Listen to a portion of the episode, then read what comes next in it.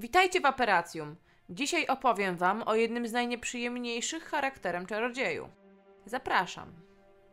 Alastor Moody, znany też jako Szalonooki, był czarodziejem czystej krwi i był uważany za najsłynniejszego aurora wszechczasów. Jego oczy zostały opisane jako jego najbardziej szokująca cecha. Jedno było małe i ciemne, podczas gdy drugie było żywym, niebieskim, magicznym okiem – które poruszało się niezależnie od drugiego, co dało mu przydomek szalonookiego. To oko widziało przez przedmioty, pelerny niewidki i tył własnej głowy. Opisano, że Moody miał warczący głos i wyglądał jakby jego twarz była z grubsza wyrzeźbiona z drewna. Z powodu obrażeń z jego długiej kariery jako Aurora był pokryty bliznami i brakowało mu kawałka nosa. Miał ciemno-szare włosy oraz drewnianą nogę, która została opisana jako mająca szponiastą stopę. Alastor Moody urodził się w rodzinie czystej krwi. Dokładna data jego urodzin nie jest jednak znana. Wiadomo, że jego ojciec i matka byli oboje aurorami, podobnie jak wielu jego przodków. Rodzina Moody zyskała reputację produkującą wielu słynnych aurorów. Uczęszczał on do szkoły magii i czarodziejstwa w Hogwarcie. Nie wiadomo jednak, gdzie mieszkał, ponieważ jego dom nie został odnotowany w aktach ministerstwa. Był jednak znany jako doskonały uczeń i zdobywał oceny przynajmniej powyżej oczekiwań. Moody podczas bycia aurorem służył w Ministerstwie Magii, walcząc ze śmierciożercami, którzy byli pod dowództwem Lorda Voldemorta. Był kluczowym członkiem zakonu Feniksa, dowodzonego przez Albusa Dumbledora w walce o pokonanie Voldemorta, a jego wysiłki doprowadziły do tego, że połowa cel w Azkabanie została zaludniona przez pojmanych przez niego śmierciożerców. Ta działalność doprowadziła go do zdobycia wielu wrogów i spowodowała, że stał się nadmiernie ostrożny i paranoiczny w kwestii swojego bezpieczeństwa w późniejszym życiu. Jego działalność podczas I wojny czarodziejów i jego czasów jako Aurora doprowadziły do utraty przez Moody'ego nogi, którą zastąpił drewnianą protezą.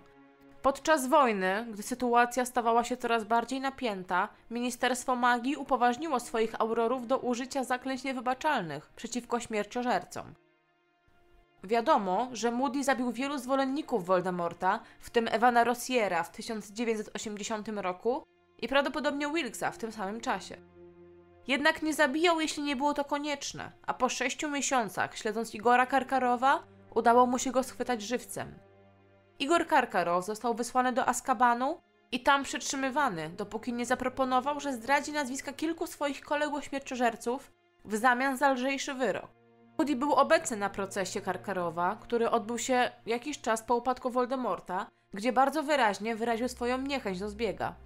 Były śmierciożerca na próżno podawał imiona Antonina Dołochowa, Ewana Rossiera, Traversa, Malsibera i Severusa Snape'a, z których wszyscy wydawali się już albo zabici, schwytani, albo zbiegli. Jednak z powodzeniem nazwał Augustusa Rockwooda niewymownym i podwójnym agentem szpiegującym ministerstwo dla Voldemorta. To Karkarow po ujawnieniu tego został jednak odesłany z powrotem do Azkabanu w oczekiwaniu na rozpatrzenie sprawy Rockwooda. Kiedy zarzuty Karkarowa okazały się prawdziwe, został on zwolniony i objął stanowisko dyrektora Instytutu Durmstrang. Moody prawdopodobnie kontynuował polowanie na śmierciożerców. Po latach po wojnie stoczył bitwę, która sprawiła, że stracił lewe oko i zostało ono zastąpione magiczną protezą. Pod koniec lat 80. Moody wycofał się z czynnej służby aurorskiej. Później wziął nimfadorę Tonks pod swoje skrzydła i pomagał jej w szkoleniu aurorów. W połowie 94 roku Albus Dumbledore przekonał Moody'ego, by wycofał się on z emerytury i służył jako nauczyciel w szkole magii i czarodziejstwa w Hogwarcie – jako nauczyciel obrony przed czarną magią. Jednak zanim zaczął się rok szkolny, Moody został zaatakowany w swoim domu przez Bartiego Croucha Juniora i Petera Pettigrew na rozkaz Voldemorta. Moody okazał się trudniejszy do pokonania niż początkowo sądzono i podjął znaczącą walkę, która zaalarmowała jego mugolskich sąsiadów, ale został on obezwładniony i uwięziony we własnym magicznym kufrze. Crouch użył eliksiru wielosokowego, aby przybrać formę Moody'ego, aby zastąpić go w Hogwarcie, skutecznie oszukując zarówno personel, jak i uczniów. Naśladował wiele normalnych nawyków Moody'ego, w tym regularne picie eliksiru wielosokowego z piersiówki Moody'ego. Dzięki temu mógł podszywać się pod niego prawie przez cały rok, bez wzbudzania podejrzeń. Przez cały rok Crouch wykonywał swoją część planu Voldemorta – Życie Moody'ego zostało oszczędzone, ponieważ Crouch potrzebował jego włosów do stworzenia eliksiru wielosokowego i musiał mieć wzór do naśladowania. Po odkryciu przez wszystkich, że Alastor został uwięziony, profesorowie czekali cierpliwie, aż eliksir wielosokowy przestanie działać, ujawniając prawdziwą postać Croucha. Pod wpływem Veritaserum przyznał się do wszystkiego i Moody został uwolniony ze swojego kufra. Po powrocie do zdrowia w skrzydle szpitalnym Moody wrócił do zdrowia na czas, aby usiąść przy stole nauczycielskim na uczcie na zakończenie semestru, chociaż w rzeczywistości nie poprowadził zbyt wielu zajęć. Chociaż fizycznie całkowicie doszedł do siebie, stał się jeszcze bardziej niespokojny i panicznie bał się o swoje bezpieczeństwo. W następstwie tego jego oko czasami zacinało się w połowie obrotu w wyniku noszenia go przez Croucha, co wymagało regularnego czyszczenia. W 1995 roku Moody dołączył do zreformowanego zakonu Feniksa.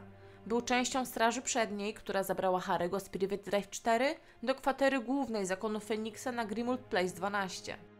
Później pojawił się na przyjęciu, które Molly Weasley urządziła dla Rona i Hermiony, aby uczcić ich zostanie prefektami.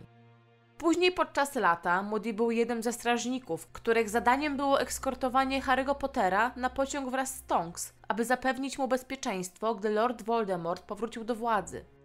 Jak się okazało, nadopiekuńczość Moody'ego wobec Harry'ego Pottera była jego zgubą. Krótko przed 17 urodzinami Harry'ego, Moody i zespół siedmiu członków zakonu Feniksa próbowali przenieść Harry'ego z Private Drive 4 do Nory, używając mioteł, testrali i latającego motocykla. Moody był partnerem niechętnego Mundungusa Fletchera, który nie chciał brać udziału w przeprowadzce ze strachu. Podczas startu drużyna została zaatakowana przez śmierciożerców. Bill Weasley i Fleur Delacour zrelacjonowali, że Moody i Fletcher zmierzali na północ, blisko Billa i Fleur, po tym jak członkowie zakonu się rozproszyli. Voldemort wyleciał wprost na Moody'ego, gdyż uważał, że Harry Potter będzie pod eskortą najbardziej utalentowanego czarodzieja, którym był właśnie Szalono Oki. Fletcher wpadł w panikę, krzycząc, a Moody próbował go powstrzymać, ale Mundungus zniknął, pozostawiając Moody'ego podatnego na atak. Voldemort rzucił zaklęcie uśmiercające w chwili, gdy Mundungus się aportował i uderzył Moody'ego w twarz. Moody spadł z miotły z wysokości około 300 metrów, więc nawet gdyby jakimś cudem był w stanie przeżyć zaklęcie, to jego upadek go dobił. Połamane ciało Moody'ego zostało szybko sprzątnięte przez śmierciożerców, więc mimo poszukiwań przez Billa i Remusa nie udało się odzyskać zwłok. W rezultacie zakon nie mógł zorganizować pogrzebu dla Moody'ego.